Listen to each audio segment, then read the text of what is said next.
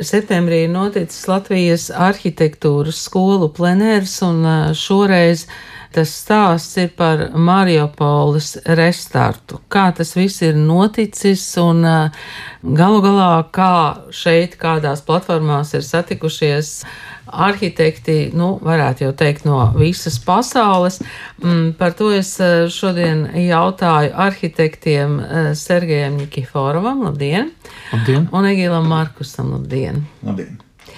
Tad, eh, kur jūs visi satikāties? Tas, ka tas nav iespējams Mariupolē, tas ir pilnīgi skaidrs, bet kā tas viss notika? Viss notika attālināti.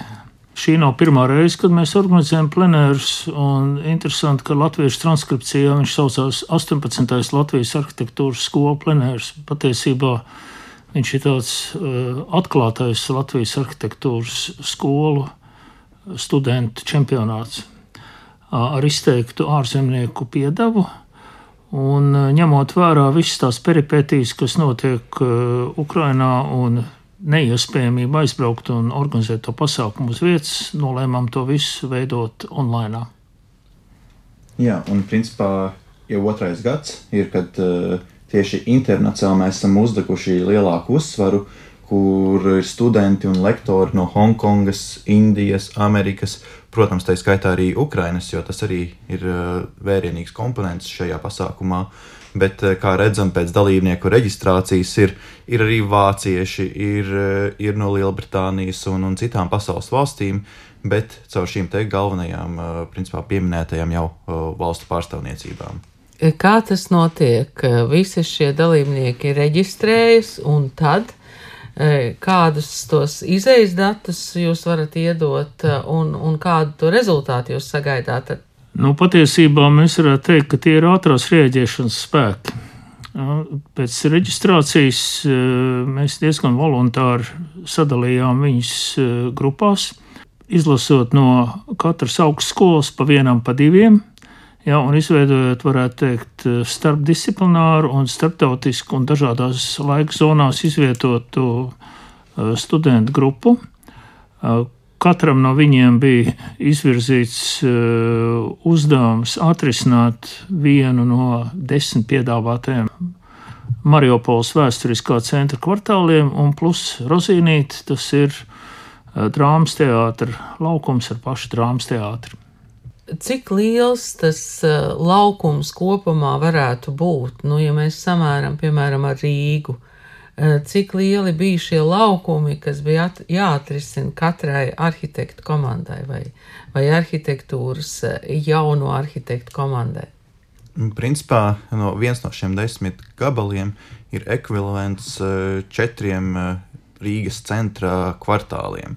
Un tad, principā, tas nāk kopā kādi 40 plus vēl šī te drāmas teātris zona, kas bija katrai grupai kā papildus uh, uzdevums, kurus visas kopīgi ir izcinājuši. Katrai pēc, grupai bija teātris zona. Tieši jā. tā, un katra deva savu iniciatīvu, savu redzējumu, jo tā ir arī diezgan skaļi izskanējusi un ļoti atpazīstama reprezentabla vieta.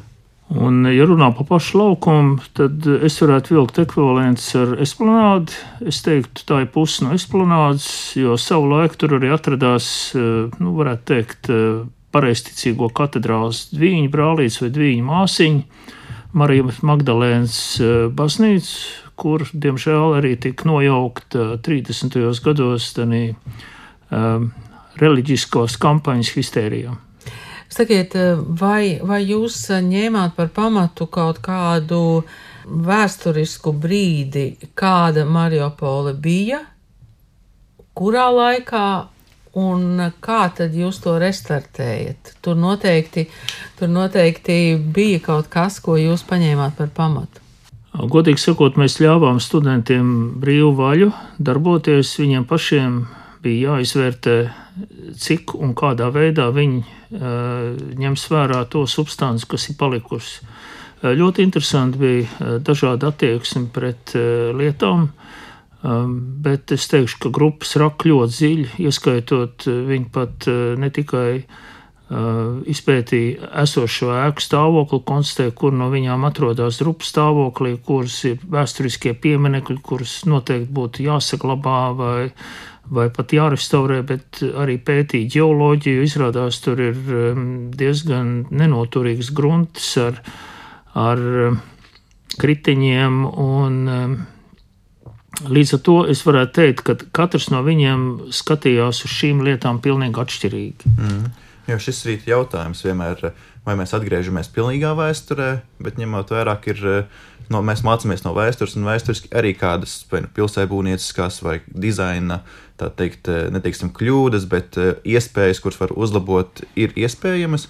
Un šis arī dod studentiem ar eh, svaigu prātu, internacionālā un starpdisciplinārā komandā izvērtēt un noteikt šos varbūt momentus, kuri varbūt varētu būt citādāk, atbilstoši mūsdienu prasībām un iespējām realizēti.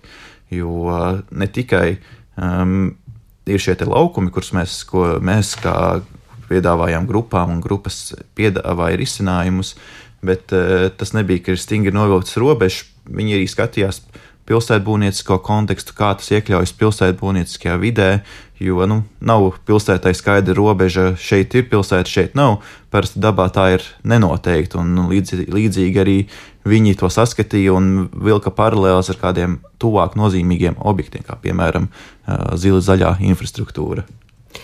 Jūs pieminējāt pat ģeoloģisku izpēti. Kā tas mūsdienās notiek? To visu ir iespējams izdarīt digitāli, nesot klāt. Nu, ir skaidrs, ka šobrīd tur nav iespējams būt klāt. Kā to ir iespējams izdarīt?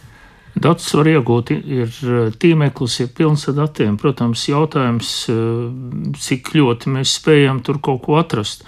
Un šeit tālāk nāca mums eksperti, kuri pirmajā no piecām plenēra dienām padziļināja dalībnieku izpratni par konkrēto vidi. Es teikšu, tur piedalījās ļoti prominents personas. Teiksim, mūsu kolēģis arhitekts Bruno Delandes, viņš ir francūzs no Marseļas, uzskata sevi par Latvijas patriotu un šobrīd strādā Saudārābijā tieši ar pieminiektu saglabāšanu. Viņš nolasīja par lekciju par iespēju ehm, tātad veikt eh, trīs dimensiju objektu skanēšanu, kas ir ļoti būtiski šādā karā sapostītā vidē. Citi eksperti iepazīstināja ar eh, citām dažādām tēmām, kas būtu interesanti studentiem un paplašināt viņu apvārsni. Tā kā es teiktu, Eh, šīs lekcijas ļāva studentiem saprast, eh, ka ir iespējas ieskatīties un paplašināt savu redzesloku un faktiski būvēt jau to savu redzējumu uz stingrākiem pamatiem. Īstenībā Mariupola jau ir teikt, kāds cits jau plānos izplānojis, un šobrīd mēs zinām, kur robeža ir novilkta, bet tāpat no Ukrāņu prezentācijām. Viņi jūt to savu piederību šai vietai un saprot, ka valgot paralēlus ar uh, Rietumu Eiropu pēc otrā pasaules kara, ka ir jau laicīgi principā, jāsāk domāt par uh, pilsētu, pilsētu plānošanu. Jo tajā brīdī, kad vajadzēs kaut ko darīt, kaut kas tiks darīts, bet ja tas netiek plānoti koordinēts, nu tad uh, mēs iespējams jau uzbūvējam uz nākošiem gadsimtiem tādu nepilnīgu, nepilnvērtīgu vidi, ar ko beigās sanāk vien samierināties. Un tad arī šis bija kā tāds iegansts un, un, un uh, motivācija piedāvāt šo tēmu un redzot arī atbalstu no, no kolēģiem un partneriem. Es nezinu, kā tas bija pēc otrā pasaules kara, bet vai šobrīd jau ir tādas uh, starptautiskas vadlīnijas, uh, kā rīkoties uh, šādās situācijās, ko darīt ar, ar principā sagrautām pilsētām? Mums um, kolēģis no Holandas iepazīstināja mums ar to, kā holandiešu prāt jārīkojās šādās situācijās. Tad eh, Rīgā darbojās tāda starptautiskā konsultācija kompānija eh, Vitevēn plus Boss. Viņiem ir eh, filiālais sēdeklis tepat Jākapa kazarmās. Un savu laiku, 1940. gadā, neitrālai Holandai uzbruka vācieši. Karš ilga tikai pāris dienas, jo 4. dienā viņi nobumboja Rotterdamu. lai parādītu, ar ko holandiešiem ir darīšana, un kad uh, tiesības palikt neitrālam šādā karā viņiem nav. Uh, ko darīja holandieši? Uh, viņi tā tad vērsās pie Vitavēna kunga, kurš bija atsīts pilsētplānotājs ar uzaicinājumu uzsākt jaunās pilsētas izplānošanu burtiski dažas dienas pēc nobumbošanas. Jautājums, kāpēc tas būtu jādara? Un atbildi bija ļoti vienkārši. Lai vācieši neizprojektētu šādu pilsētu holandiešu vietā. Un runa bija par Albertu Špēru, ja, kurš bija bruņojuma ministrs un arī Hitlera galva arhitekts. Uh, holandieši pie, darbojās pie šī uzdevuma ļoti atbildīgi un apzināti, un faktiski varētu teikt, ka uh, viņi vēl turpina vēl vien balstīties uz šiem kara laikā un pēckara laikā izstrādātiem risinājumiem. Sakiet, vai šie risinājumi, ko jūs šajās komandās izstrādājāt, vai tiem varētu būt nu, kāda reāla arī īstenošana pēc kara droši vien? Principā tā doma arī ir tāda, organizējot šo plenēru un iepriekšējos un arī nākošos, ka pirmajā dienā iedod eksperti savu redzējumu, savu redzējumu, savu pieredzi, bet tā ir daža, dažna dažāda. Ir eh, jau šis te pieminētais Rotterdamas piemērs un prezentācija, tāpat ir uh, citi. Un nav viens konkrēts uh, veids un ceļš, kur obligāti jāieņem. Tāpat laiki mainās un pilnīgi cita, citas prasības pret vidi. Uh, Un tāpēc arī ir desmit grupas, kas faktiski līdzīgu teritoriju izstrādā. Un ir principā desmit dažādi virzieni, ko varētu teikt, e, iet. Un, e, un tā doma, ka tālāk, jo vairāk idejas, ir vairāk iespēja no kā izvēlēties to labāko esenci. Un tā doma, ka tiešām vienā brīdī e, cilvēkiem, kuriem būs iespēja šo virzienu noteikt, smelsies idejas un smelsies idejas arī no šo te uh, studentu veikuma. Um. Arhitekti tikai uh, pilsētu plānotāji, ainavu arhitekti, vai jūs varat papildināt uh, vēl to sarakstu? Jā, arhitekti, tehnoloģi, um, dizaineri. Faktiski mums bija ārkārtīgi plašs to cilvēku klāsts, uh, kur piedalījās plenērā, bet katrā ziņā viņi bija saistīti ar arhitektūru visos līmeņos. Vai jūs varat pateikt, kas ir plenēra lielākie iegūmi vai secinājumi? Man liekas, tur būtu trīs galvenie virzieni, kur būtu atzīmējami. Pirmais mēģinājām jau 18. reizi mudināt studentus iejusties reālajā vidē. Tātad viņiem ir jāizveido komanda īsti nezinot viens, vienam par otru neko. Uh, un ļoti ātri, trīs dienu laikā, ir jāpabeidz darbs, koncentrēties uz mūsu ieteikumiem. Proti, pirmajā dienā nepieciešams izspiest ideju. Otrā dienā ir, lai tur lost vai plīst. Šī ideja ir jādetalizē līdz tādai pakāpei, lai trešajā dienā būtu iespējams ļoti skaisti noformēt savu darbu un izdomāt arī režiju eh, priekšnesumam. Tas būtu tas, tas pirmais mērķis. Eh, otrais mērķis, protams, ir eh, tātad tīri morāls un, un arī profesionāls, tātad sniegt savu redzējumu par šo te vietu un vienlaicīgi varētu teikt ar savu darbu sniegt arī morālu atbalstu Ukraiņiem. Un pats pēdējais un ļoti būtiskais ir šis te darbs interaktīvā vidē, kur man liekas, mēs esam tikai bērnu autiņos patreizajā brīdī, bet ņemot vērā visu to pieredzi ar open space birojiem un iespējamību strādāt attālināt, mums vajag rēķināties, ka faktiski indivīda iespēja ielikt iekšā problēmā, ātri viņu atrisināt un pārcelties uz nākamo problēmu ja, ir eh, ārkārtīgi svarīgi. Līdz ar to ir iespējams viņa zināšanas, prasmes un spējas izmantot daudz ar lielāku liederības koeficientu nekā mēs faktiski šobrīd eh, darām tradicionālos arhitektu birojos. Mm -hmm.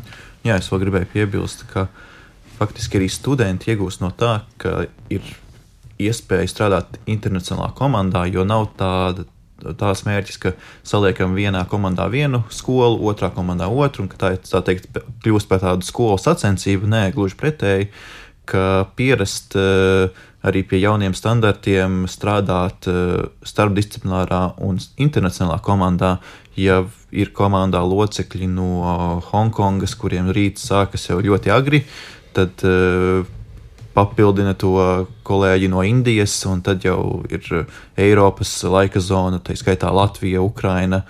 Un, un beigās eh, faktiski Amerika, kas pievienojas. Mēs tā teikt, noklājam visas 24 stundas eh, no, no dienas. Bet tas ir viens izaicinājums un arī iespēja studentiem, ko, kas, kas nereti ikdienā, tādā tipiskā studiju procesā nav.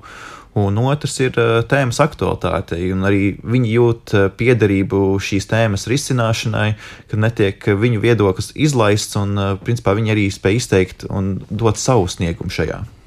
Jā, nu es ceru, ka patiešām visiem kopā arī izdosies tās Ukrainas pilsētas atjaunot, un mēs varēsim braukt un skatīties un teikt, ka arī Latvijas arhitekti ir piedalījušies. 3. oktobrī, tas ir otrdien, četros vakarā Nāmas birojā plānojam izsniegt dalības certifikātus tiem, kas atnāks pakaļ pārējiem, sūtīsim interaktīvi. Bet es gribētu atzīmēt tādu vienu citātu no studentu secinājumiem par darbu, ja atļaušos to nolasīt. Strādāt grupā ierobežotā laikā ir liels izaicinājums. Dažādas laika zonas, daudz ideju, ierobežota informācija un dažreiz vienkārši komunikācijas trūkums. Bet, lai cik tas mums būtu bijis grūti, to nevar salīdzināt ar cīņu par savas zemes neatkarību. Mēs domājam, ka būtu pareizi uzklausīt pašus ukrāņus, ko viņi vēlas, un mēs atskārtām, ka daudzas idejas ir jau ukrāņu arhitektiem pašiem, un mums tāpat kā visai pārējai pasaulē ir viņiem jāpalīdz, viņus jāatbalsta, viņus jāiedrošina. Izpētot šo brīnišķīgo pilsētu, mēs atklājām tās potenciālu un ticam tās labākai nākotnē, būt zaļai un patīkamai Eiropas pilsētai. Jā, paldies jums par šiem secinājumiem, un paldies, ka notiek šādas arhitektūras skolu plenēra dienas. Paldies arhitektiem Sergejam Nikaforovam un Egilam Markusam. Paldies!